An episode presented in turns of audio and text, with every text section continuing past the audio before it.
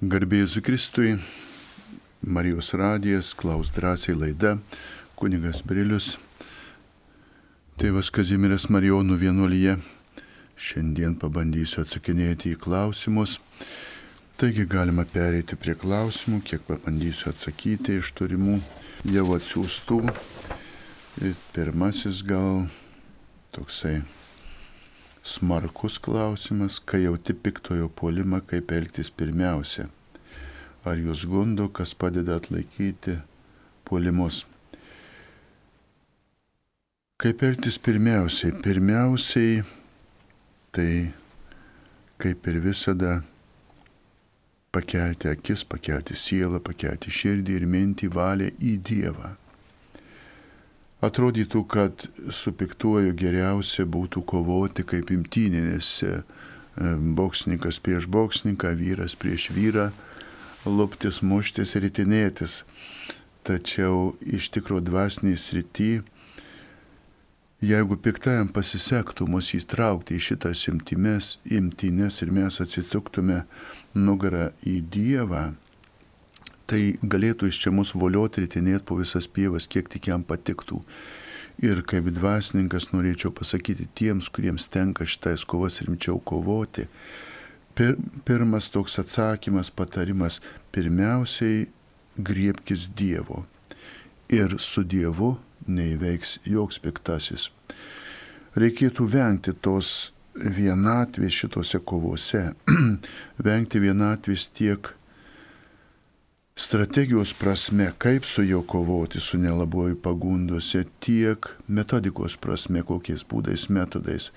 Bažnyčia čia yra sukaupusi visą arsenalą dvasingumo priemonių per istoriją, tai ir tų ypatingųjų priemonių, reiškia atsiskyrėlių vienuolijos, griežtos regulos vienuolijos, kurios labai giliais dvasiniais pagrindais eina į tą kovą, pirmiausia kovodamos su tai žmogiškosios dvasinės silpnumo, pagundų galimybėmis, paskui kovodami ir su piktojo ir nemažą patirtį sukaupė.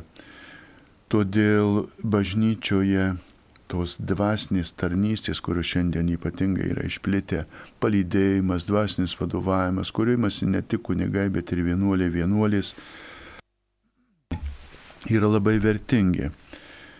Ir reikėtų laikytis Dievo pirmiausia tyra sąžinė, atgaila išpažintis, vengti nuodėmės pagundos. Taip pat reikėtų laikytis Dievo maldingumo dvasioje, o keliamas tikėjimo abejonės ir pagundas bandyti išsiaiškinti su autentiškais, kompetitingais bažnyčios atstovais ir mokytojais. Antra dalis klausimo, ar jūs gundo? Mane, tave visus ir kiekvieną gundo. Net nežinau, neįsivaizduoju, ar gali būti kas nors negundytas, jeigu patį viešpatį Jėzų Kristų šietonas gundė ir labai smarkiai, siūlydamas visai neblogą e, verslą, kaip sako, ar, ar, ar komerciją. Ir tau visas pasaulis paga, pagarbink mane. Kiekvieną mūsų jisai gundo, neišskiriu nieko nei savęs, net nesigirsiu nieko, kad mane ypatingai gundo ar kažkaip nepaprastai. Visų pirma, taip gundo kiekvieną ir kiekvieną mūsų gundo ne tik tai bendra ta kultūrinė prasme, Kitaip sakant, šitonas prisitaiko prie laikmečio. Ne tik Dievas veikia per istoriją, bet ir piktasis veikia per istoriją, kurdamas šiuo metu, kurdamas tą antikrikščionišką kultūrą, per tą visą nukrikščionėjimą, bažnyčios identiteto praradimą, tos krikščioniškos moralės slopinimą. Per šitos dalykus jis veikia per kultūrą. Bet veikia ir kiekvieną asmeniškai per jo charakterį, per jo ypatumus, per jo natūralės silpnybės ar įdas. Tie gundimai tokiu būdu ir iš pasaulio ateina jam būdingi ir asmeniški. Kas padeda atlaikyti puolimus? Dievas padeda, angelai sargai, krikšto vardo šventas globėjas, taip pat maldos draugai ir pagalbininkai, kurie vienėsi maldoje ne kartą. Aš asmeniškai ir jūs raginu, ieškokite maldoje draugų, palaikytojų, gelbėtojų, kurie ypač tie vertingi, kurie turi ypatingą maldingumo dovaną. Va, ir besąlygiškai tai padeda atlaikyti reguliariai išpažintis ir nuoširdžiai ir giliai pasirengus priimta šventą komuniją. Be jokios abejonės puolimams atlaikyti grūdina ir santūrumas gyvenime, susilaikimas atgailos dvasia. Čia tiek trumpai. Kas gali būti zakristijonės? Yra veiklių moterų, o jos ir ilgiau gyvena. Čia turbūt iš statistikos.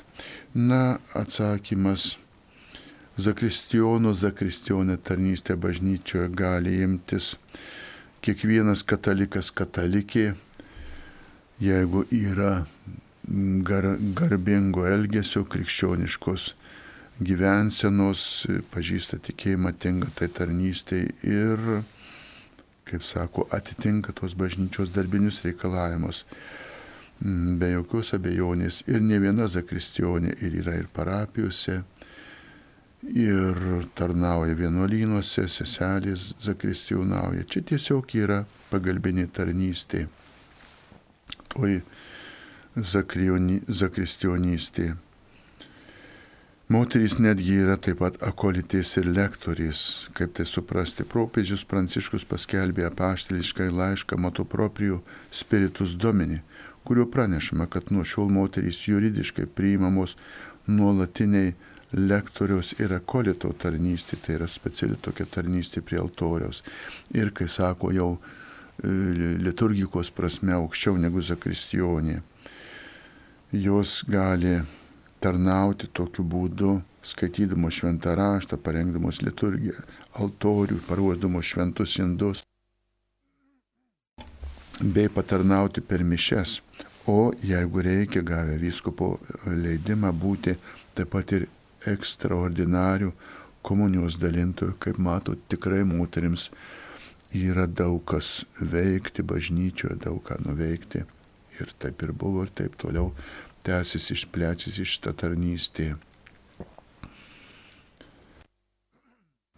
Kitas klausimas, ar bažnyčio rizikos grupė žmonės galės mišiuose būti su kaukėmis, jei jiems brangi sveikata.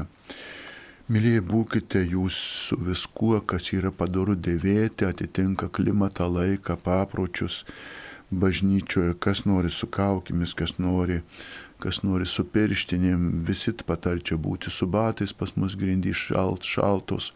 Afrikoje tai ir basi bažnytėlė ateina nieko tokio. Žodžiu, toji kaukė neįsiskiria nuo kažkokio ypatingo liturginio čia rūbo ar ką nors. Todėl sakau, kas jūs norit, būkite su kaukėmis ir tikiuosi, kad ne vienas kunigas net labai pavargęs ir nervuotas neatims ir neprašys paskolyti ar atiduoti jam, jeigu savo neturi. Čia jūsų laisvas pasirinkimas, jeigu jūs taip jaučiate saugesni, ramesni, tikrai dėkitės kaukę ar dvi, kaip ten būtų geriau. Ir branginkite sveikatą. Nėra bažnyčio draudimo, kad negalima su juom būti. Žinoma, komuniją per kaukę nepaduosi, tuo metu jau reikėtų nusimti kaukę priimant komuniją. Kitas klausimas būtų, būtų toks gana įdomus, kiek yra šventųjų kotrynų, dabar ypač kalbama apie šventą kotryną sienietę. Prašau papasakoti apie visas apibendrinti. Na, apie visas kotrynas tikrai nepapasakosiu. Aš pats pažįstu keletą tokių gan gražių, įdomių kotrynų, katalikių, kurios viena gėda bažnyčios korė labai gražiai, kita, kita atneša kartais labai skanių iškeptų tokių piragėlių. Tai čia tokios viena skani, kita giesminga kotryna, daug kotrynų tarnauja bažnyčioje. Kai kalbame apie kotryną, Sienietė viena iš tokių garsių žymiųjų kotrynų, bet galima minėti ir šventą kotryną Aleksandrietį. Apie ją galite paskaityti Bernardo Dadi knygoje. Šventa kotryna Aleksandrietį su rėmėju ir laiminančiu Kristumi.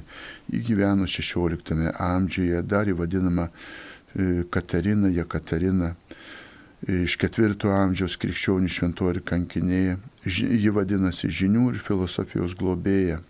Jos minėjo, minėjimo diena katalikų bažnyčių lapkričio 25, o pravoslavus lapkričio 24. Tačiau jokių patvirtinių žinių apie šios asmenybės istoriškumą nėra. Čia vat viena iš tokio švardintas Kotrynas, manoma, kad to Aleksandrietė gimė Aleksandrijos mieste Egipte ir taip toliau. Čia būtų visa gana įdomi istorija.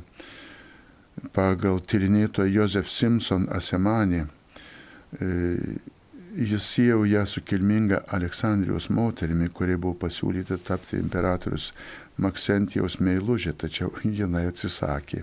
Tuo laiku tai buvo gan nebūdinga. Po to buvo persikuta imperatorius, jos turtas konfiskuotas, ištremta.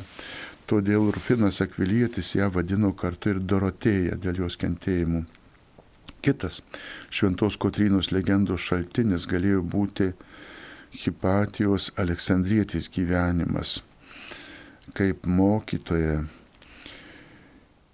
O kai kalbame apie Kotryną Sienietę, jai vadinama kilniu titulu bažnyčios mokytoja. Būdama septynių metų, švenčiausios mergelės akivaizdoje mistiškai susitokė su Kristumi, kad ten ir vien vaikiškos svajos, bet šventos dvasios gyvenimo padiktuotas pasirinkimas paaiškėjo jai sukakus 12 metų, kai dar labiau išgražėjusi tvirtai atsisakė tekėti už motinos jai pagal tų papročius parūpinto jaunikio. Ir taip toliau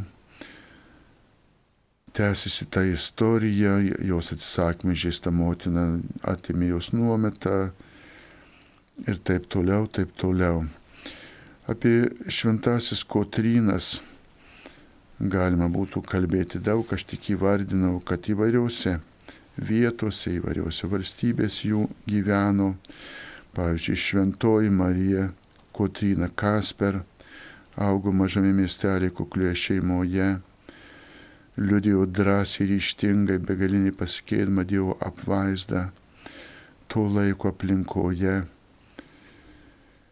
veikdama, dirbdama, vėliau priėmė Marijos Kotrynos vardą. Ji gimė 1820 metais Dernbacho miestelėje, kuriame tada, kaip ir dabar, gyveno panašiai pustrečio tūkstančio žmonių.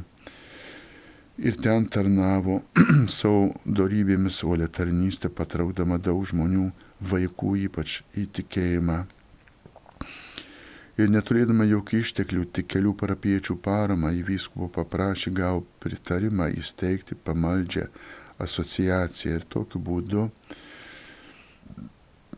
24-25 metų šitoj Kotryna Kasper įsteigė tą maldingumo bendruomenę. Prie jų toliau šlėjosi daugiau šiai tarnystė pasišventusių merginų moterų. Taip pat reikėtų atsiminti prie tos pačios Kotrynų kolekcijos, jei pavadintume, kad tais laikais, kai Prūsija vienijo, o tas von Bismarkas kūrė Vokiečių imperiją, telkė ją, vadinamą kultūrkampf, į kovą prieš šventąjį sostą, taip pat kovose dėl bažnyčios tikėjimo, buvo sunaikinta daug tų katalikiškų organizacijų, tas antikatalikiškas nusiteikimas plėto ir būtent šitoji Marija Kotyna Kasper veikusi drąsiai ir ištingai priėmė šį iššūkį kovoju už bažnyčią. Taigi apie Kotrynas, kaip matote, pradėjau nuo savo dviejų pažįstamų šventų moterų, galime eiti per visą istoriją ir kiekviena Kotryna tegu būna šventa ir šventumu spinduliuoja. Einame prie kito klausimo. Ką manote apie urnos įdėjimą į kolumbarimą, priimtina katalikams, juk tai nėra palaidojimas. Tiesiai sakant, asmeninė nuomonė čia net čia mane įdomi, bet bažnyčia priima tai kaip būtinumą, kai neįmanoma kitaip prisitaiko visą kitą, šiaip laikantis tradicijos, jeigu jau pritrūkstame žemelės kasnio mirusiam palaidoti, dedam į lentyną į, į etažerį ir paskui svarstome, mes jį palaidom ar pakabinom, ar padėjom, ar, ar taip toliau, taip toliau.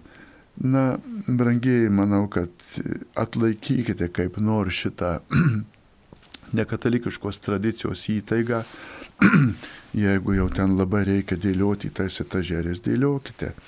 Bet kažkaip tėvynės Lietuvo žemė, man atrodo, tikrai savo vaikų neatmes ir neatstums ir priims visus, jeigu nedidelių kastuvėlių, kad ir tą urną užkasime, kaip mes įpratę, kapas yra žemė.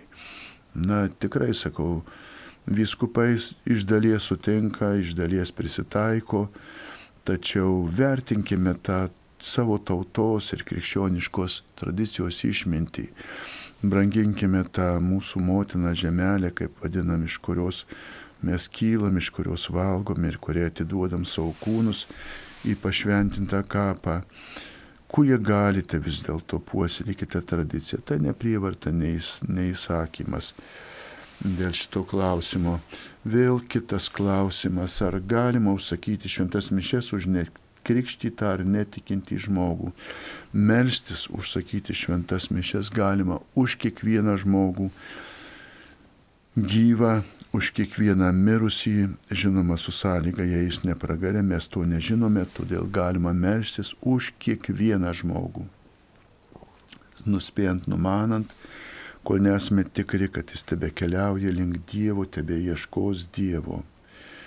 Kuo žymių žmonių mintys skiriasi nuo Dievo žodžio minčių. Na, kaip sakant, kartais beveik niekuo abiejose pasižymė išmintis, o Dievo žodžio mintys dar turi ir tą šventos dvasios veikimo galę. Nes visada kiekviename žodėje, kiekvienoje mintyje daugiau tiesos, daugiau išminties yra įdedama protingesnio, išmintingesnio, ar vyresnio, o Dievas šiuo atveju pirmauja. Jis yra begaliniai protingas, išmintingas ir už visus žmonės išminčius yra vyresnis ir protingesnis. Taigi šventas raštas Dievo žodis jau dėl paties autoriaus turi perti tik daugiau. Be to, išmintingo žmogaus mintis palydi gal kitų žmonių supratimas ar pagarba, o Dievo žodį dar palydi ir šventoji dvasia, kuri ne tik kartu yra sėdėjęs, bet ir laistytojas, daigintojas to žodžių, kad jisai sudyktų, kad jisai sudyktų, kaip sako, gausių derliumi.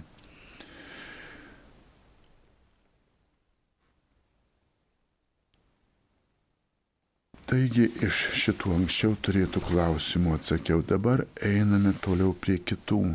Buvo klausimas čia dėl, dėl Marijos vainikėlių,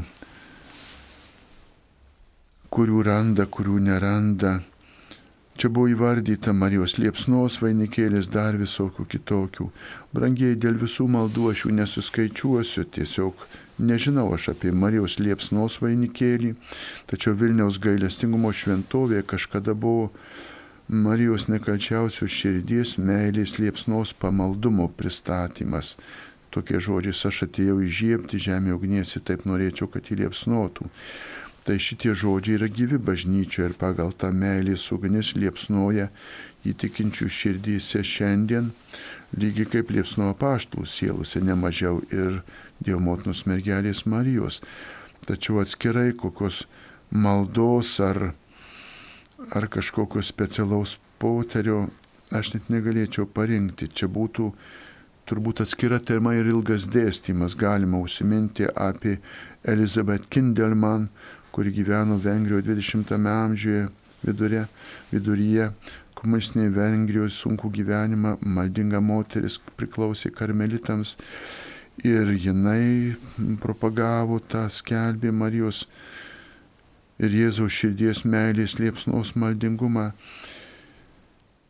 Daug yra šitų, šitų temų, bet čia nesurinks jas visas, todėl norėčiau pasakyti, kitų žodžių, kas ieško, tas randa, jūs ieškokite tik tai, ką rasite, patikrinkite, kad tai būtų katalikų bažnyčios apro, aprobuota, kad tai būtų pažymėta e, žymėmis negelopstat, neprieštarauja katalikybei ir imprimatoriui, jeigu tai išspausite, leistina spausdinti.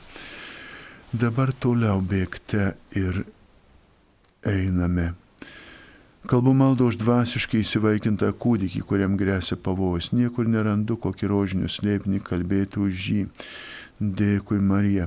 Marija nėra tokių smulkių receptų, kokį poterį kalbėti, už kokį vardą, sielą ar daiktą visas laisvai pasirinkamas maldas pati ir pasirinkite.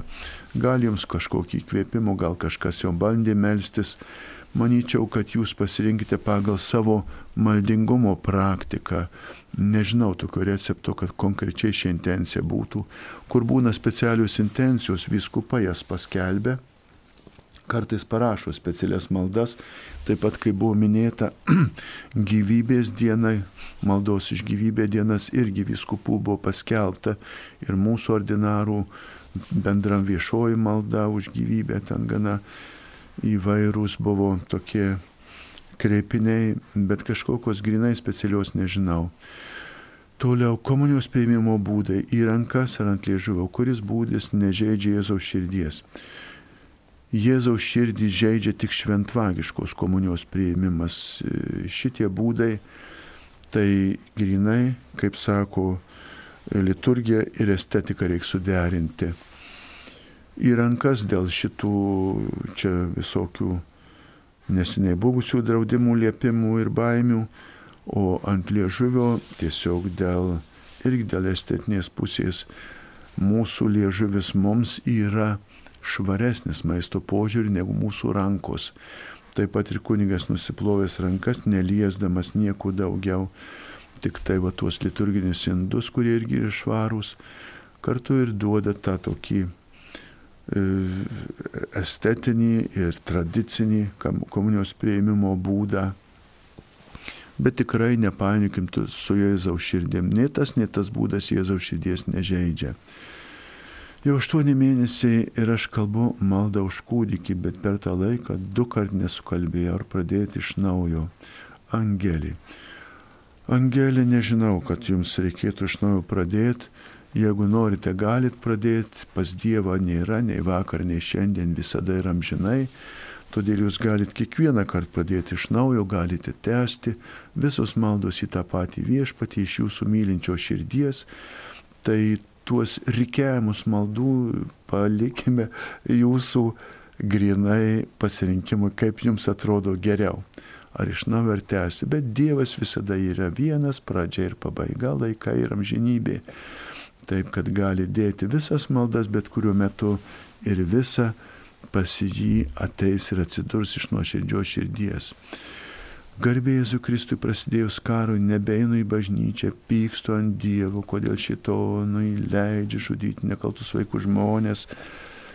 Patarkite, kaip kovoti. Aha, čia matot jau kovinis toks pareiškimas, kadangi su pykčiu, čia reikia, reiks manyti kovoti su pykčiu. Brangieji, šitie visi užmetinėjimai Dievui mes neklyskime dėl vieno dalyko, sėdami Dievą su karais, marai žudynėmis. Tai yra su tuo, ką daro nusidėlė arba Dievo nepaisytojai. Mes pradedame vesti patys Dievo sąskaitą su šėtonu. Ir aiškiai šventame rašte parašyta, kad mirtis ateina per nuodėmę. Ir kas yra nuodėmė, tas neša mirtį. Jei savo nuodėmė mirtis ateina savo. Jei žmonės klausytų Dievo, tai nebūtų karų. Šventame rašte aiškiai pasakyta, iš kur ateina karai. Dėl mūsų širdies piktumo, dėl mūsų pageidimo ateina karai, neteisybės, apkalbos, kerštai, visi tie dalykai. Kodėl Dievas leidžia, kodėl Dievas leidžia. Nekalbėkime apie žmonės. Aš dar labiau stebiuosi, kad Jisai ir angelams leido pasirinkti su Dievu ar be Dievo. todėl kad jis pats yra laisvas ir jis yra ne tik gyvųjų, bet jis yra laisvųjų mylėtojų viešpats. Ir angelai pasirinkę be Dievo, pasirinko tą karą prieš Dievą, sukilo prieš jį, aišku, prieš Dievą laimėti niekas negali, jie pralaimėjo, jie laisvą valią tapo bedievis, Dievui priešingas, Dievo nekentėjas. Ir taisyklė yra tokia, ko, kuo didesnis gėris sugenda, tuo didesnis blogis pasklinda. Taigi, kuo didesnis Dievo kūrinys, angelas, nuostabus Dievo šviesos nešėjas sugedo, tuo didesniu blogiu jisai virto. Tas pats su mumis, su mumis žmonėmis yra. Mes irgi Dievo pašauktieji, Dievo paveikslą sukurti. Bet paliesti nuodėmės, jei pasidavė, vertė nuodėmės tarnais, mes tampame didelio blogio dažnai kuriejas ir darytojas. Nuodėmė tai ir yra tas blogis, kuriuo pažeidžiame Dievo tvarką, artimo meilę ir viešpaties meilę. Todėl ir su žmogumi galime tik tai baisėtis, kokią didelę nuodėmę žmogus pasirenka kad daro tokį blogį, tokias žudynės. Bet tiek angelam, tiek žmonėms Dievas palieka laisvę, iki jie atbaigs savo pasirinkimą. Kadangi angelai tobulai atbaigė savo pasirinkimą, pilnai pažinojo Dievą, jį pilnai atmetė, tai žmonių pasirinkimas dėl jų netobulumo nėra tobulas. Iki galo gyvenimo Dievas leidžia kaip ir angelams rinktis jį viešpatį ir gyvenimą, ar nuodėmė ir mirtį. Todėl ir nuodėmė lygdintis blogis tenka patirti ir šventiesiems. Kenčia dėl blogio, dėl nuodėmės padarinių. Ne tik tai tie, kurie nusideda, bet ir tie, kuriuos paliečia nuodėmės daromas blogis, šiuo atveju žudynės ir karai. Todėl ir jums noriu atsakyti, be priežasties, rimtos priežasties, jūs neinate į bažnyčią. Tuo labiau neišmintinga yra pykti ant Dievo, kad Jis leidžia. Dievo meilė telpa dieviška laisvė.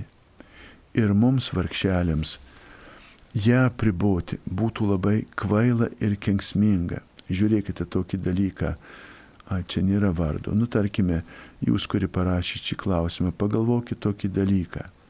Jeigu Dievas pagal jūs apribotų laisvę, tarkim, jums ar jiems ar jam, kiek daug žmonių negalėtų dar didesnė laisvė dievėm, Dievą mylėti. Šventam rašte yra parašyta, kur buvo apstu nuodėmės, ten dar pilniau tapo malonės. Tai yra, kai žmogus iš silpnybės ir nuodėmės laisvai sugrįžta prie Dievo, Dievas jį dar daugiau apdovanoja. Dievas suteikia dar daugiau malonės. Ir tikrai ne vienas šventasis yra garbinės viešpatį dėl šitos nuostabios Dievo išganimo kelionės. Ne vienas atsivertė šventasis, pakilo iki šventumo aukščiausių aukštumų, būtent nuodėmės dugne pažinęs tiesą ir supratęs Dievo gailestingumą. Kokiu priemonių dėka mūsų protėviams pavyko atskleisti, pajausti ir apčiuopti šventos dvasios sielos egzistavimą žmoguje ir kuo jie viena nuo kitos skiriasi šventos dvasios ir sielos egzistavimą žmoguje. Brangiai dėl tų skirybų ir skirimo iškart pasakau, kad šitoje srityje atskirti ir padalinti, išdėlioti ir surašyti, sudėti etiketės grybukai pernykščių metų, mėlynė šių metų, vyšnių uogienė už praeitų metų šitaip nei sielo, nei šventos dvasios, nei savo viduje tų malonių nedėliokime. Mums žmonėms reikia kaip viščiukams trupinti kiaušinio trynį, kad mes jį sulapnotume. Ir mes paskui tuos trupinikus, pirmiausia, kaip pažiūrėkit, šersit viščiukus, reiškia, jie pirmą griebė didesnius, bet jų nepraryja, paskui patrupina įma mažesnį. Pas mus nuolat vyksta tas trupinėjimas, tas trupiniukų rinkimas. Ir neretai pagriebė per didelį mes čirpiam, pirpiam, ko čia ne taip, ko čia kitaip. Net nepraaugę iki kai kurių dalykų mes jau imam burksti, urksti, kad čia kažkas ne taip.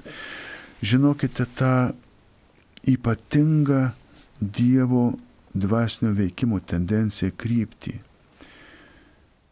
Jis yra vieningas. Jis yra vienas ir vientisas, jame nėra padalinimo. Ir tiek, kiek mes susivienėme su Dievu, tiek pelnome savyje vienybės, vienovės, tiek mumise mažiau tų trupinių ir trupinėlių, to nubirėjimo.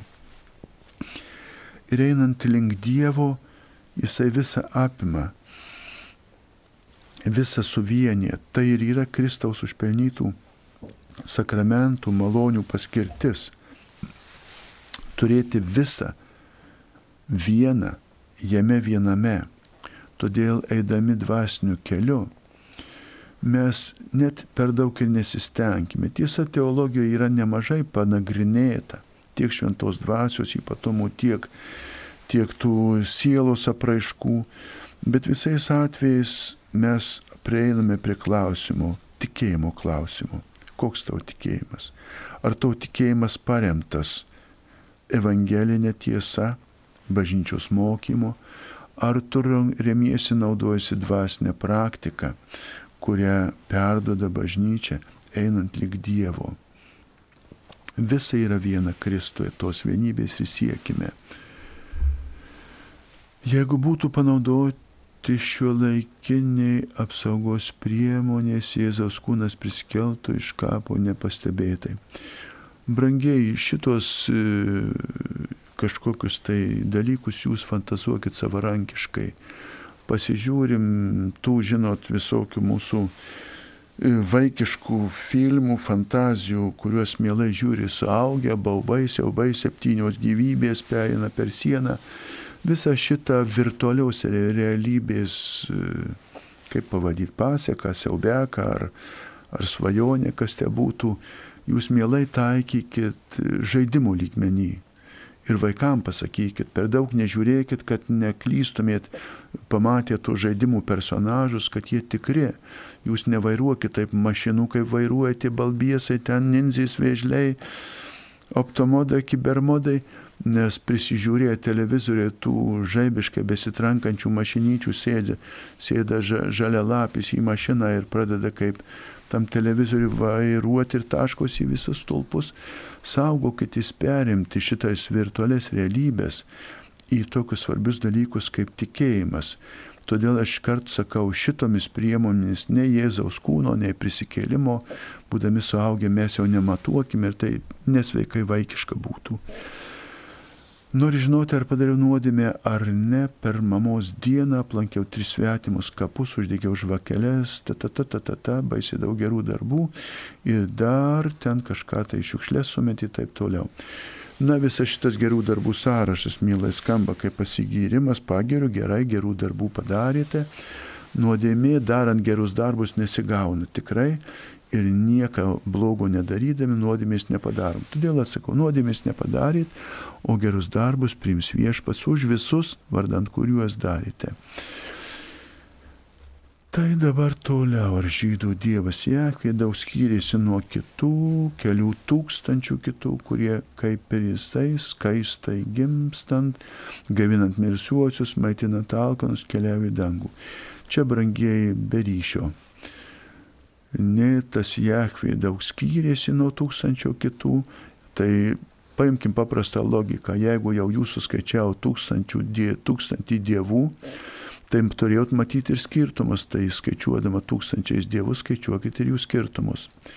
Yra iš tikrųjų trys religijos, kurios išpažįsta vieną Dievą esantį. Tai Jahve, tai Islamas Tai yra žydų religija, kuri išpažįsta preikštę į Dievą, islamas, kuris kilo iš, iš kelių religijų jungties ir prieimė taip pat vieno Dievo savoką, ir krikščionybė, kuri nusekliai, nusekliai, nusekliai kilo iš judaizmo. Šios trys religijos esminiai turi vieno Dievo pripažinimą, išraišką ir daugiau mažiau rėmėsi apreiškimu. Toliau likusius tūkstančius, kuriuos suskaičiavot, jūs pagal savo metodus juos ir skaičiuokite. Nematau reikalo čia prie to klausimo toliau išvedžioti. Ve, vadovaukitės iš tikro apreiškimu ir tada artėsite prie tikro esančio Dievo ir matysite, kuo skirtumo. Na, čia įdomus klausimas turbūt iš vaikų darželių, iš kur atsirado Dievas. Tai va ir jums, ir jūsų anukėliams atsakau, Dievas atsirado iš savęs. O čia toks įdomus dalykas. Įsivaizduojat, to aš nesuprantu ir niekas nesuprantam, bet Dievas kuria pats save ir tai daro nuolat, todėl jis neturi pradžios, nes jis atsiranda, jis yra ir bus nuolat. Jis kyla iš savęs, todėl viskas, kas yra Dievas, yra tik iš Dievo. Toliau, kodėl maldos rožinis tiek daug kartų kartuojasi tas pat, kodėl tai prasminga.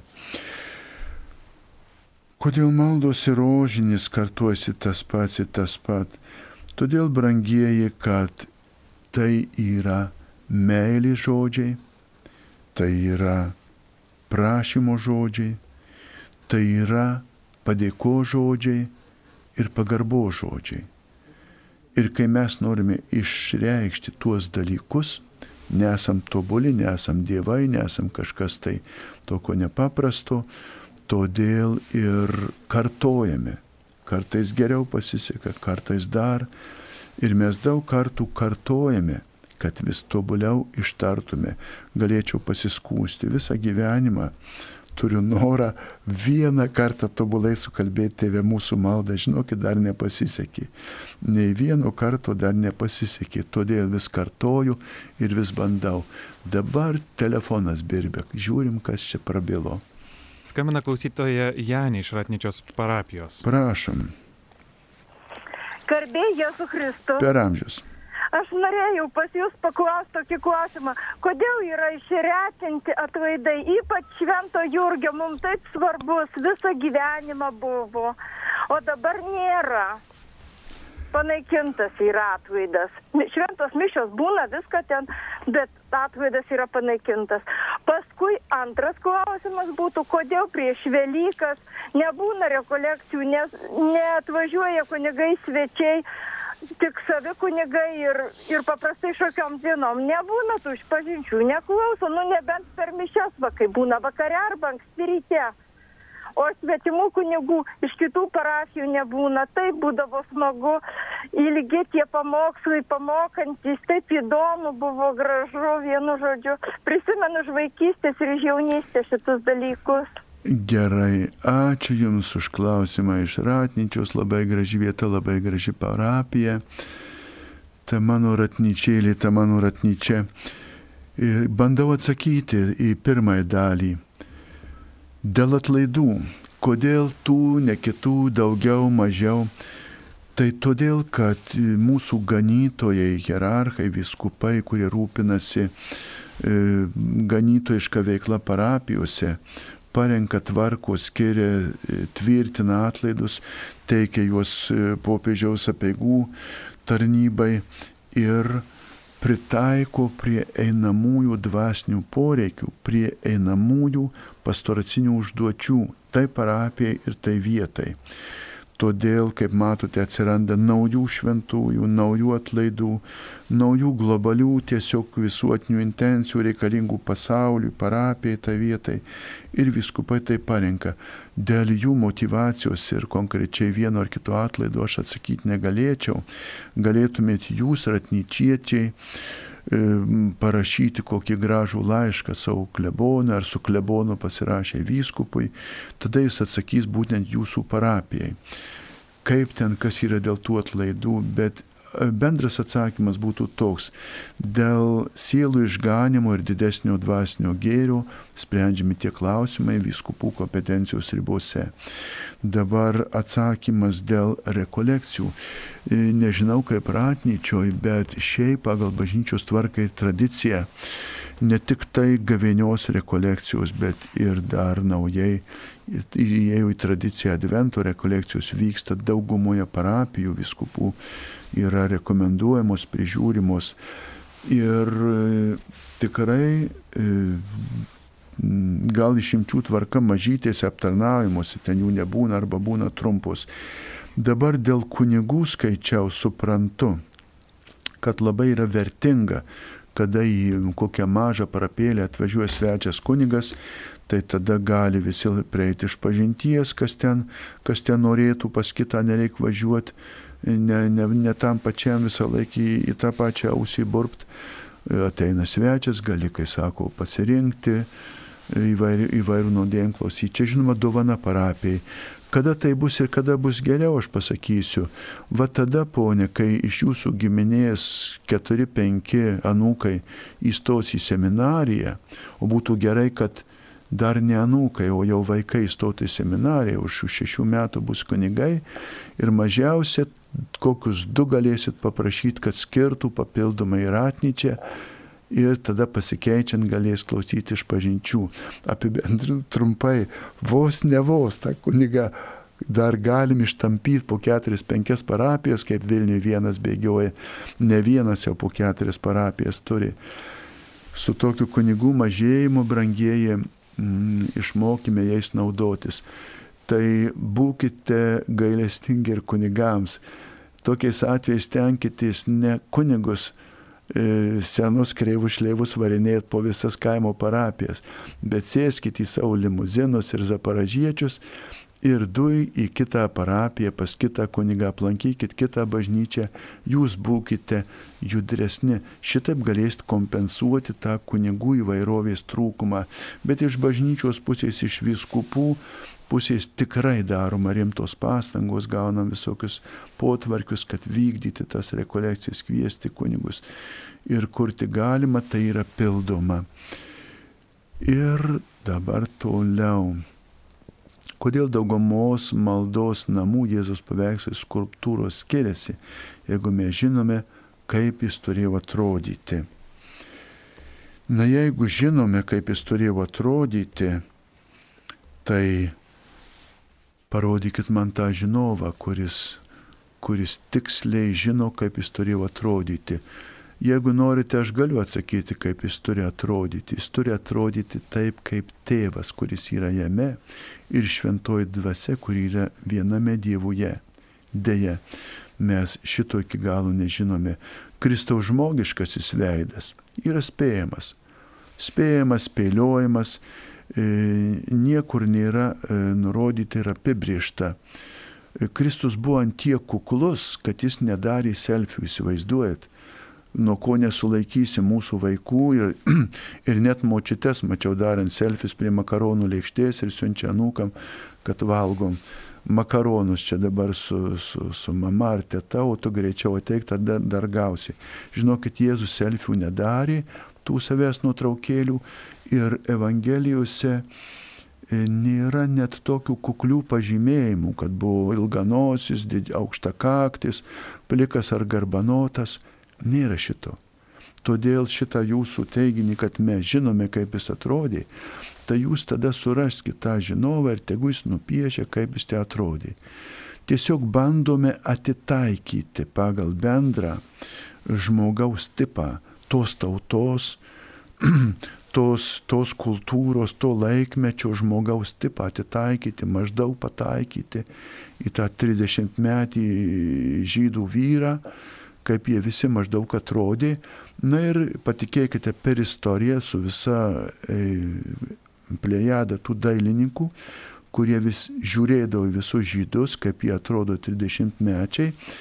Nu tai iš kokio tūkstančio, penkių tūkstančių žydų galima susidaryti vaizdą, kaip atrodė ir Jėzus. Maždaug taip, kaip tūkstantis daugmaž panašių 30 metų žydų tautos vyrų. Ir pagal tai piešia. Vieniem labiau išeina, kitiem kitaip. Pridėkite dar meninės išraiškos priemonės. Nes, nes dar nuo meninio ko akies, nuo jo vaizduotės priklauso tas vaizdavimas.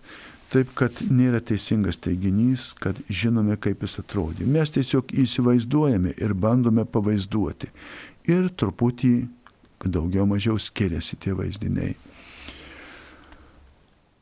Ar Jėzaus stebuklai aprašinėti daug metų po jo gyvenimo buvo patvirtinti ir nebejotini ir kodėl dabar jų nepastebėta? šitą klausimą dar truputį atidėsiu, jį tik pakartoju, jūs visi pagalvokite, gal kai kas ir patys atsakys. Ar Jėzaus stebuklai aprašinėti daug metų po jo gyvenimo buvo patvirtinti ir nebejoti ir kodėl dabar jų nepastebėta, atsakysiu vėliau, dabar pagriepsiu sekantį. Padėkite suprasti popiežiaus pasakymą, kad karo iš Ukrainoje išprovokavo NATO. Pabandysiu padėti suprasti popiežiaus pasakymą, bet ne antrą jūsų dalį. Jis nepasakė, kad karą Ukrainoje išprovokavo NATO. Šito jis nepasakė, ten visų pirma iš karto buvo nukrypta iš e, jo teksto įvertimą. Antras dalykas, ta pati traktuoti. Iš vis šitą dalyką norėtųsi man paaiškinti, kad galėtume mes, katalikai, suprasti, kai mūsų popiežius pasisako, tokiu aš turiu politinių klausimų, pirmiausiai paimkite aiškumo dėliai tą dalyką. Du dalykus imam. Du dalykai šitam atsakymui, kurį pateiksiu. Tai yra politika ir bažnyčia. Ko kuris siekia? Politika siekia užimti poziciją. Bažnyčia siekia pateikti moralę, pateikti moralės principus. Va tai esminiai. Ir bažnyčios užduotis, religinė užduotis per moralę pagal Dievo valią tobulėti žmogui ir visuomeniai. Ir toji moralė turi rasti vietą civilizacijoje, kultūroje, tokiu būdu bažnyčios pašventinimo užduotis susiliečia su politika. O politika, ypač šiuo laikinė, jinai tesiekia užimti poziciją per rinkimus, per karus, per kombinacijas, per spaudimus ir sankcijas, politika, politikas, politinė partija, politinė sistema siekia užimti poziciją. Kraštutinė politikos forma užimti poziciją geografinė, ekonominė, administracinė yra karas. Taigi, kai mes susidurime su šiandienė politika, kuri iš vis atsisako moralės, kuri iš vis šiandien vyksta tas krikščioniškos civilizacijos griovimas, nepalieka vietos moraliai. Atkreipkite dėmesį, kad tie moralės mūsų e, išraiškos būdai, sąžiniai, Dievo įsakymai, principai, pašalinti iš mokyklų, Mm, pašalinti sąžinė savoką iš mūsų pedagoginių sistemų. Nerasit ne vienoje mūsų pedagoginėje programoje sąžinės ugdymas. Kartais, kartais dar prisimena sažiningumas, dar kažkuris turėtų atsirasti. Nei ugdėm, nei puoselėjom, nei mokėm, bet turėtų atsirasti sažiningumas. Taip yra su šiandienė politika. Dabar grįžtant prie popiežiaus. Popiežius pademonstravo tam tikrą žingsnį pabandė, aš jau iš karto sakau, tasai bažnyčios atstovas, vyriausias atstovas, kuris besąlygiškai, vienareikšmiškai diktuoja, atstovauja, teigia ir moko. Moralės principų pagal Dievo įsakymą pabandė pasakyti abiejose tvoros pusėse, pabandė pasakyti pasauliui, kad politika be moralės virsta karu. Vieniems su ginklais puolant, kitiems su ginklais laukiant. Ir jeigu jūs norite pažiūrėti ne vieno ar kito žurnalėlio, laikraštėlio ar politinės kažkokios tai mados ar tendencijos akimis, kad šiandien labai galingai va išskirstysim į stovyklas, dvi stovyklos, trys stovyklos, tai politinės pozicijos. Bet kokia bažnyčios politika bus teikiant moralę šioms pozicijoms, ji bus visuotinė, visoms valstybėms, visoms tautoms. Bažnyčia nori pasakyti, kad popiežiaus Jono Pauliaus antro žodžiais, kuriais jis pirmiausiai perspėjo ir pabarė. Jūs savo rankomis sukūrėte pasaulį, kuriame nepalikote vietos Dievui. Ir popiežius pabando tai pasakyti, pavartoja, kaip jam argentiniečiui yra būdinga ta išraiškingesnė forma, kažkokia tai meniškesnė išraiška ir kas atsitinka. Atsitinka tai, kad politinės jėgos tam, kuris tampa šio pasaulio e, realybėje esminių moralės saugotojų, pateikia begalę pretenzijų. Už ką? Už tai, kad vieni, kad jis pabandė atsistoti kaž, kažkokią tai pozicijoje su savo nežudyk, kiti, kad jis atsistojo jų nepageidaujamoj pozicijoje su savo nežudyk, treti, kad popiežiaus ir jų bandyta pozicija netitinka jų manimų, kur turėtų būti popiežius. Popiežius nei vienu atveju, nei su vienu politiku, politika ar partija neatsistos ir nebus ir neveiks niekaip kitaip, kaip tik tai, kad teikti, deklaruoti, mokyti ir ugdyti tuos principus, kurie mes vadiname Dievo įstatymais, įsakymais, tuos principus, kurie garantuoja krikščionišką moralę. Mes šiandien turime pasaulį, kuris persmeltas antikrikščioniška kultūra, kuriam šiandien atrodo svarbiausia yra sugriauti krikščionišką civilizaciją. Mes šiandien turime vienos iš galingųjų valstybių prezidentą, kuris vadinasi antras katalikas prezidentas istorijoje. Ir šis prezidentas savo veikla daugiausia stengiasi veikti prieš krikščioniškas vertybės, prieš krikščionišką moralę veikti teigiant tais e, vienalytės santukas, veikti teigiant visokias antikrikščioniškas ir skirybinės, ir abortinės, ir, ir visas kitokias. Mes šiandien turime savo pačių vyriausybėje krikščionimis katalikais besivadinančius politikus, kurie proteguoja aiškiai ir akivaizdžiai krikščioniškai moraliai, krikščioniškam mokymui priešingas politinės pozicijas. Tai ir balsavimas už Stambulo konvenciją, tai abortų protegavimas, kaip ir Amerikos bandymas, kaip ir Lietuvos klausimas suteikti valstybinį finansavimą abortams. Tai esminiai prieštarauja katalikiškai moraliai, katalikiškam mokymui, Dievui sakui nežudyk.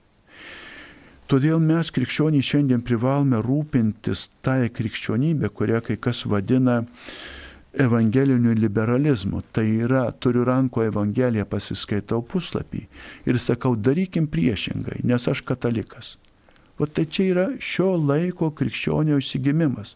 Pasėmiau kairę ranką evangeliją, paskaičiau. Jėzus pasakė taip ir sakau, darykim priešiškai.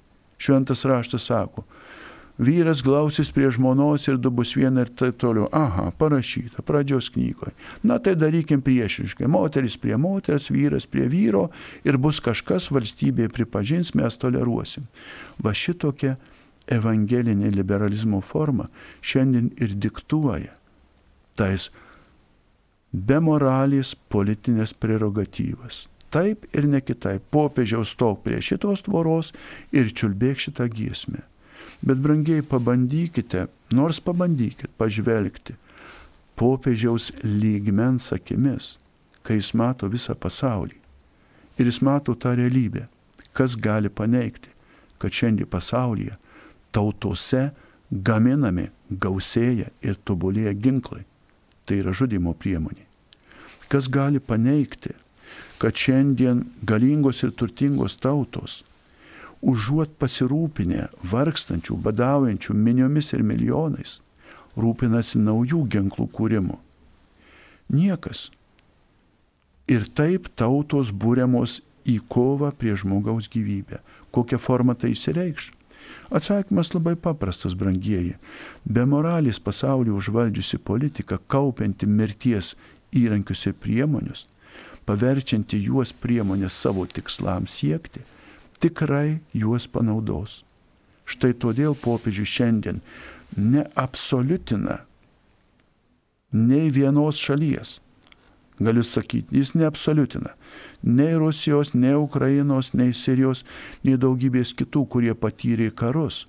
Bet nori išreikšti tą pranešimą pasauliui, jeigu jūs gaminsite ginklus, jeigu jūs eisite amorale politika, siekdami savo pozicijų pasaulyje ekonomikoje, administracijų, tai jūs ir panaudosit žudimo priemonės.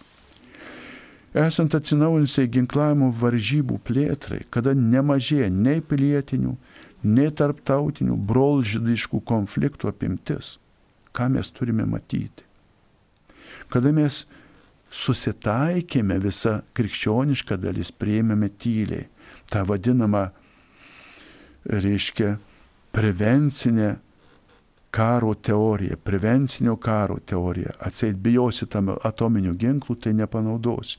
Mes stojame ant slengščio, kai šitą 50 metų kurta utopija, kad turėsim atominės bombas, tai tada visi būsim saugus, atvedė prie tos lenkščio, kur jau rinktis jūs nei su popiežium, nei be popiežiaus neturėsit ką.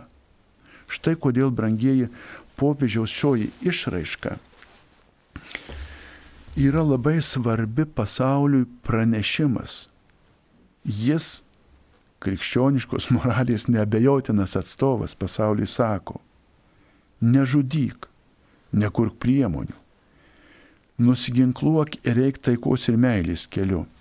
Popiežius Jonas Paulius II ypač daug yra tą paskelbęs ir savo kreipime Paskaitykite bent kelis popiežių kreipimusis pasauliniai taikos dienai, šie sąjūdžiai taikos diena.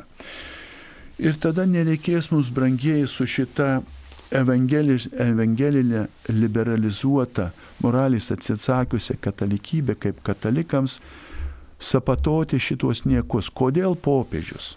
Brangiai, todėl, kad mums nesinori suprasti. Nežudyk tai reiškia Dievo vardu nežudyk, padėk ginklus, apkabink brolį, atleisk ir pasidalink duoną. Štai ką nori pasakyti popiežius. Šalia ir prie ir už kiekvienos tvoros. Telefono skambutis. Skambina Onutė iš Kauno. Taip, Onutė. Na, aš labai trumpą to, to, tokį klausimėlį, kad man atrodo turėtų kažkokias e, žymės kunigai nešioti, kiek aš žinau, tai mano amžius jau yra taip pagyventas ir aš visą vaikystę mačiau, kunigas yra su uh, ant kaklo, nu kaip vadinasi, nepasakysiu, uh, balta apykaklė. Nu, mes vadinam su sutana, tai Taip. labai gražu. ir va, kai sutinki žmogų, labai gražiai pasidėvini, pasilaimini. O čia dabar yra tokia vieta, aš jos gal susilaikysiu, man nepatogu. Nu, nepažinau, kad čia yra Dievo tarnas ir praeini ir nepasilabini. Ar ten, jeigu šventoj vietoj, tai jau garbėzų Kristui pasakai. Va taip man ir nutiko. Gerai. Tai dabar žinokit, pasakysiu dar iš savo pusės, kad mes taip nuoširdžiai dalinamės. Taip tikrai bažnyčios yra nurodyma, kur, kada ir kokiais rūbais kunigui vilkėti. Ir nežiūrint rūbų, kur ir kaip ten jis vilkė, visur kunigas turi elgtis, būti, veikti kaip kunigas. Tai nebejotinai. Dabar iš jūsų pusės dėl tų pasilabinimų, žinot, mano patirtis yra kitokia e, vaikšto po savo šventorių, bažnytėlę, praeina minio žmonių, ateina pas mane į raštinę praeinu pro šalį, sėdi koridoriui, garbėzui Kristui, be žado. Ateina, sutinka, pamato, nekrukt. Ir jeigu mes stengsimės vaikščioti su ta koloratkė, su, su uniforma, dėl to, kad mus labytų sveikytų. Ne, ne dėl to mes vaikštome, kad liudyti savo tarnystę, savo pareigą, priklausomybę čia kaip uniforma.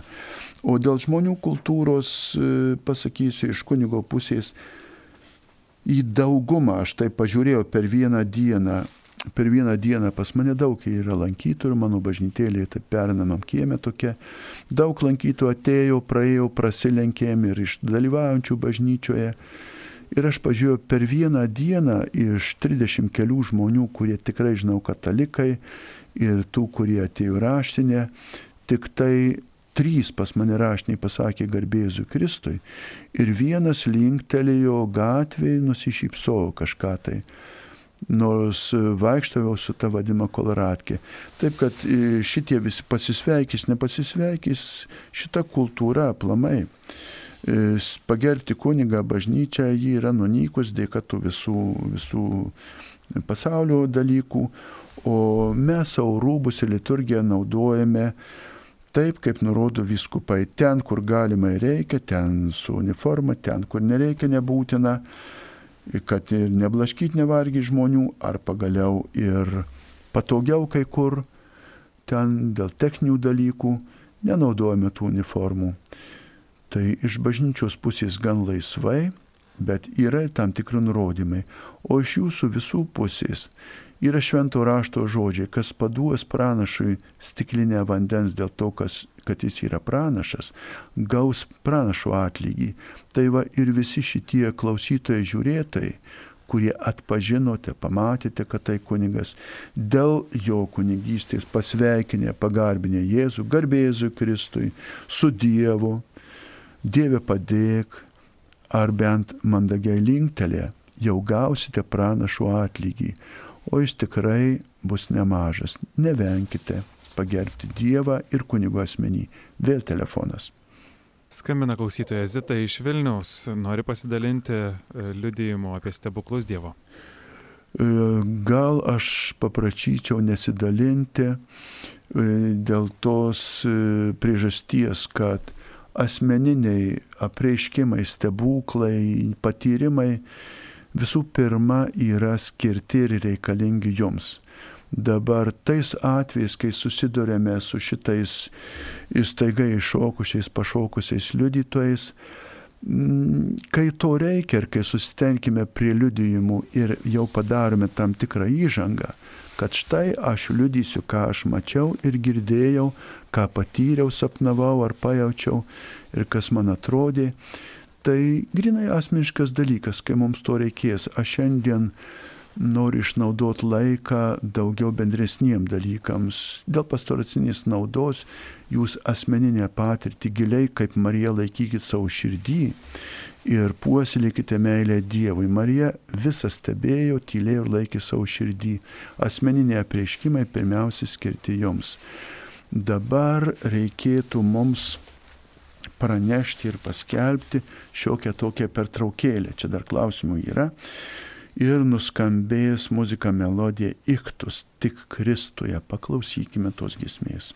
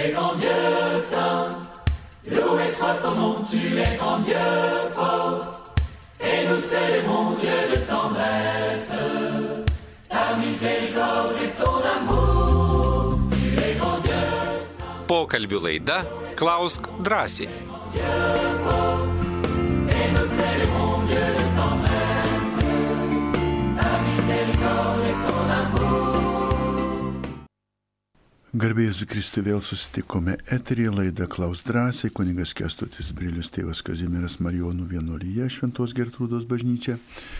Toliau prie jūsų klausimų, jų šiandien byra kaip per gerą rožių lietų. Vardas Selena miestas Kaunas, Vailena iš Kauno. Žinote, kunigų trūksta, o mokslas trunka net septynis metus. Šiemet bent keturi klerikai išmesti iš seminarijos. Gal žinote kodėl? Žinokit, labai smalsu būtų pašnekėti, kodėl, kaip ten kas, kaip ten ką, ar jie išmesti, ar išėjo. Dar čia klausimas, kiek aš žinau, tai nelabai ten mėtė, bet jie pasirinkė išėję. Pirmiausiai dėl mokslo trukmės.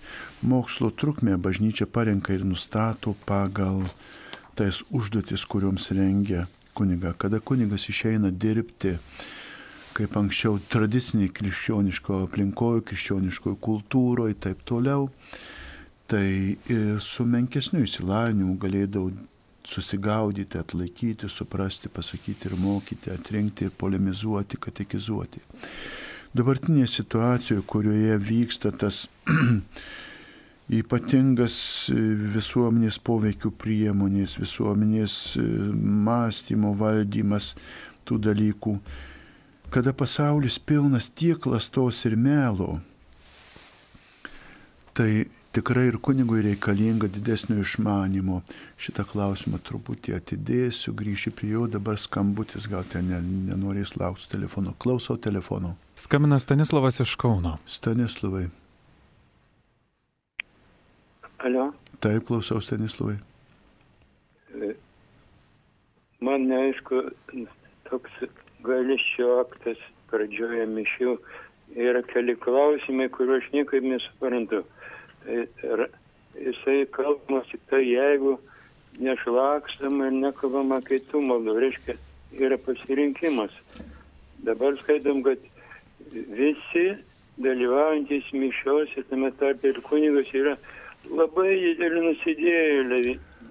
Nu, tiesiog... Stanislavai iš karto nutraukė šį klausimą, atsakinėjau praeitų laido, kaip tik manis buvo papuolęs dėl mišių bendros atgailos aktų pradžioje mišių. Pakartosiu atsakymą. Visi nusidėjėliai, taip, visi žmonės yra nusidėję, visi turi nuodėmę. Bažnyčios bendruomenė ir bažnyčios maldos yra ne tik už Stanislavą, mane, tave ar kitą, yra tai bendruomenės maldos, medžiamės už visus. Todėl susivienyje bažnyčioje bendruomeniniai maldai mes melžiamės visi už visus ir kiekvienas taip pat už save. Todėl bendrai liturgijai ir yra tas pirmas žingsnis, pirmas laiptas prie Dievo atgaila. Apšlakstimas ar psalmė atgailos, ar atgailos žodžiai parenkami liturgiškai. Pagal bažnyčios e, pilnesnį ar, ar kuklesnį tos liturgijos išpildymą. Ten, kur yra e, iškilmingesnė liturgija, ta forma iškilmingesnė, apšlakstimas, gėdojimas, ten, kur paprasčiau, paprasčiau. Bet atsakau iš karto, todėl, kad visi žmonės nuodėmingi, todėl, kad bendruomenė bažnyčioje melžymės ne tik už save, bet už visus. Tokia yra bendruomenės tarnystė. Dabar vėl grįžtu prie klausimo kurį pradėjau dėl kunigų mokslas, trunka dėl to, kad ateinantis iš nekrikščioniškos aplinkos dažnai ir neretai iš menkai krikščioniškos šeimos, dažnai neretai net iš pakrikusių šeimų ateinantys vaikai, na tarkim 18 mečiai į tą seminariją dar be kariuomenės, yra tikrai e, neparengti. Tiek, kad pasimokę tris metukus ten kažko, tai jau galėtų tautą, bendruomenę, bažnyčią mokyti autentiškai ir taip toliau. Todėl ir tokia parengimo programa. Taip pat dėl tų keturių išmestų klierikų, e, kiek jų bus išmestų, yra bažnyčios normos reikalavimai dėl pašaukimo, dėl subrendimo, dėl psichofizinės veikatos atitikimo tai tarnystėj.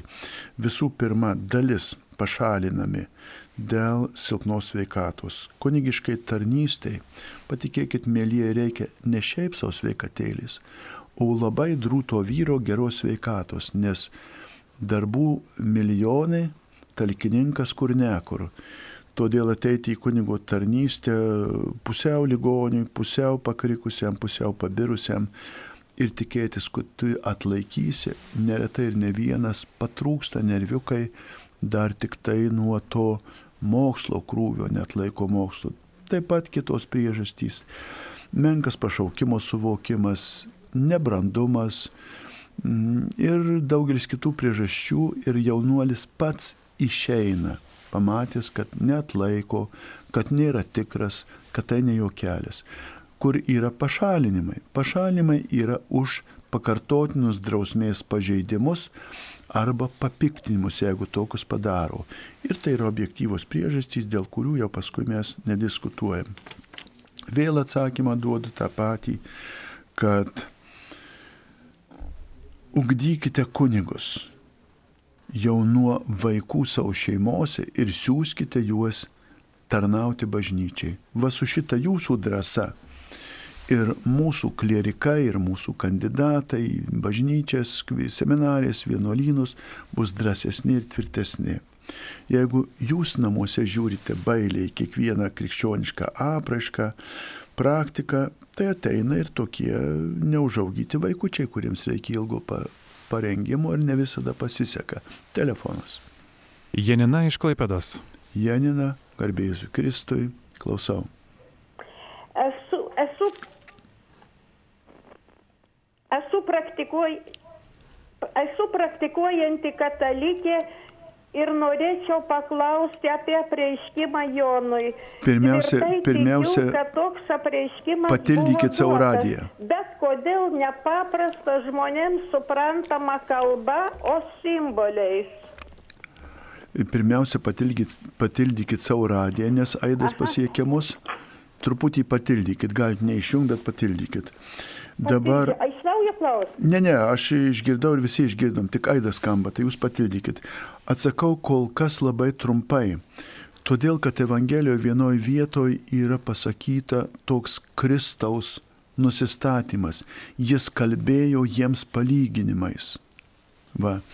Nes iš tikrųjų, kai kalbame apie kultūrinę aplinką, kurioje reikia skleisti tikėjimą, popiežius Jonas Paulius II ir popiežius Benediktas XVI jau vartojo tą įdomų terminą, ypač Benediktas XVI.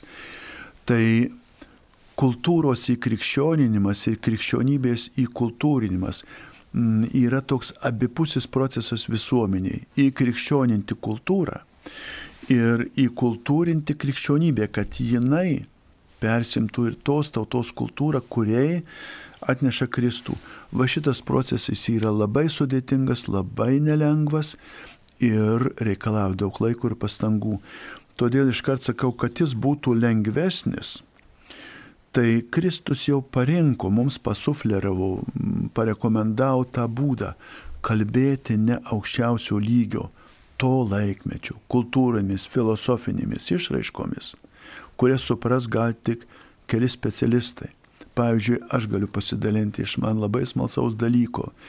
Yra tokia puankarė teorema iš geometrijos ir taip toliau. Tai va, ją įrodinėti reikėjo keliasdešimt metų. Paskui toks Leningrado mokyklos mokslininkas Perelmanas ją įrodė, gavo Nobelio premiją, taip toliau tai visa istorija. Bet aš jums pasakysiu tik tokį dalyką.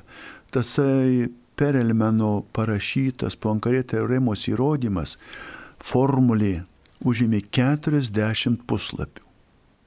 Ir aš net nesusigaudau, kas ten darosi. Bando pavaizduoti, daug mokslininkų bando pavaizduoti, ką Perelmanas įrodė, išsprendęs Perelmano tą teore, teoremą.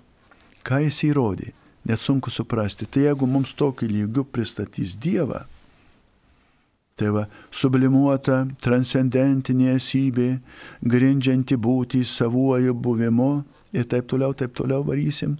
Du lapus filosofijos nieks nesupras.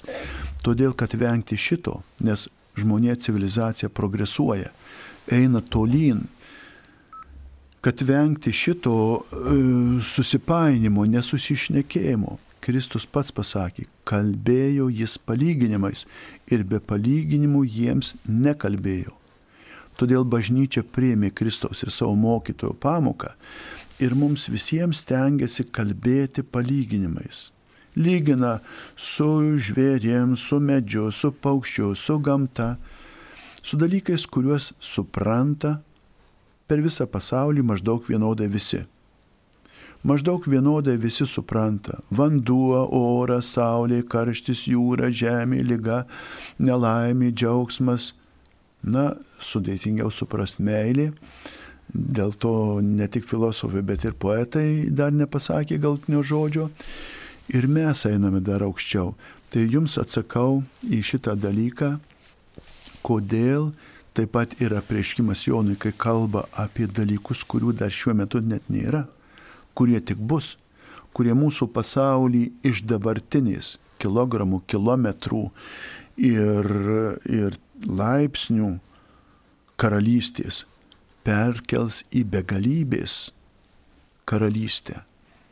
Kalba palyginimais, nes kitaipgi nepateiksi nei tu Perelmeno teoremos įrodymo, nei kažką, nes begalybė to nenusakysi. Taigi toks būtų atsakymas. Vėl grįžtu prie tų mūsų dalykų ir klausimų, kurie toliau čia laukia atsakymo. Kaip Jėzus atrodė, o kaipgi Torino drobulė. Apie Torino drobulę brangiai tiek prirašyta, kad aš negryšiu, specialiai taupau laiką, matau minutės negalestingai bėga.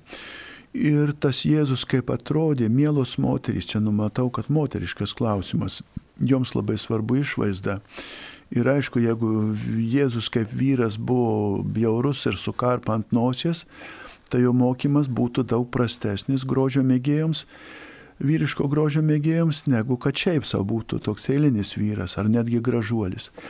Tai gal neverta mums labai dėl to, kaip Jėzus atrodė, moteriškai smulkintis, pakanka, kad jis atrodė kaip ir dauguma normalių to meto tos tautos vyrų. Aš jau kalbėjau šitą temą, dabar šokam toliau. Kaip neustrikti maldos labirintuose, susikūrus savo, jei nesukalbėsiu maldos, tam tikrų metų bus negerai metodika. Labai džiugu, gerai, dėkoju įkvėpti. Brangieji, ties malda aš darausi lėtas nenoriu berti paviršium. E, malda man yra iš tikro to gyvenimo dalis, kurią negaliu išgyventi vien pasaulyje, kurią išgyvenu su Dievu. Manau, kad ir jums taip pat. Todėl vieną tik tai priimčiau tą linkėjimą, jūs pati labai gerai įvardinot, kaip neužstrikti maldos labirintuose, kuriuos susikūriau. Va šitas pavojus yra. Atsakinėjau jau ne kartą ir grįžtu. Rimtai einant maldos keliu reikia eiti su pažengusiais, su maldingusiais, maldingaisiais ir turėti dvasios vadą. Arba patarėją, arba palydėtoją, kas jau daugiau išmano. Darykitės į dvasingesnių kunigų, vienuolių pusę, gal galės padėti, bet tikrai linkiu ištesėti visų pirma, nesukurti savo labirintų. Kuo arčiau einame link Dievo, tuo daromės paprastesni ir viskas darosi paprasčiau, nes Dievas yra nepaprastai vienas, vientisas, tiesus ir jau kalbėjau apie tą susitrupinimą, apibendrinkime viską, pavesdami jo maloniai, meiliai, išminčiai ir šventai dvasiai kuria, kuri mus veda. O ar kunigai gauna atostoginius, ar pinigų pakanka tolimesniai kelioniai. Na, aš kaip vienuolis pasakysiu, negaunu nieko, nes viskas mūsų yra vienuolijos. ir gaunu tiek, kiek pripraš, paprašau, o kai paprašau, gaunu arba leidimą, arba pinigus, tai pasvarsto vyresnysis, ar galima, ar reikia, ar naudinga kūno ir dvasiai, tiek ir gauni. Dėl kunigų, kunigų apmokėjimas, finansavimas yra pagal bendrą bažnyčios nustatytą lygį ir neprieštaraujant tos valstybės, kurioje dirba, valstybinėms įstatymams. Tai, kad, baž, taip, kad bažnyčia kunigų finansus derina pagal bažnyčios, pagal bažnyčios mokymą apie laikinuosius turtus ir gerybės, reiškia, o kartu ir pagal valstybės įsakymus. Taip, kunigai gauna atostoginius, tos, kuriuos jie gauna pagal tą nustatytą apmokėjimo tvarką. Kur alga, tai alga, kur už laikinus darbus pagal laiką, ten kaip įvairiai, nežinau, parapijos ir įvairių darbų bažnyčioje yra. Pagal tai ir gauna. Visur bažnyčia stengiasi atsilyginti teisingai, nes labai bijo Dievo rūstybės, kur parašyta, kad darbininko užmokesčio nusukimas yra dangaus keršto šaukianti nuodėmė. Tai galioja visiems darbdaviam. Dar pagrįšiu, kad dėl Turino drobulis tai yra katalikų relikvija, pagal tradiciją laikoma Kristaus įkapimis, pagal tradiciją jos dydis 4,36 m ir 1,10 m pločio, kuriame matomi neryškus rusvi kontūrai iš žmogaus iš priekio nugaros. Bet tai toli gražu nėra Kristaus paveikslas, kurį jūs vadytum jo selfie arba asmenuke.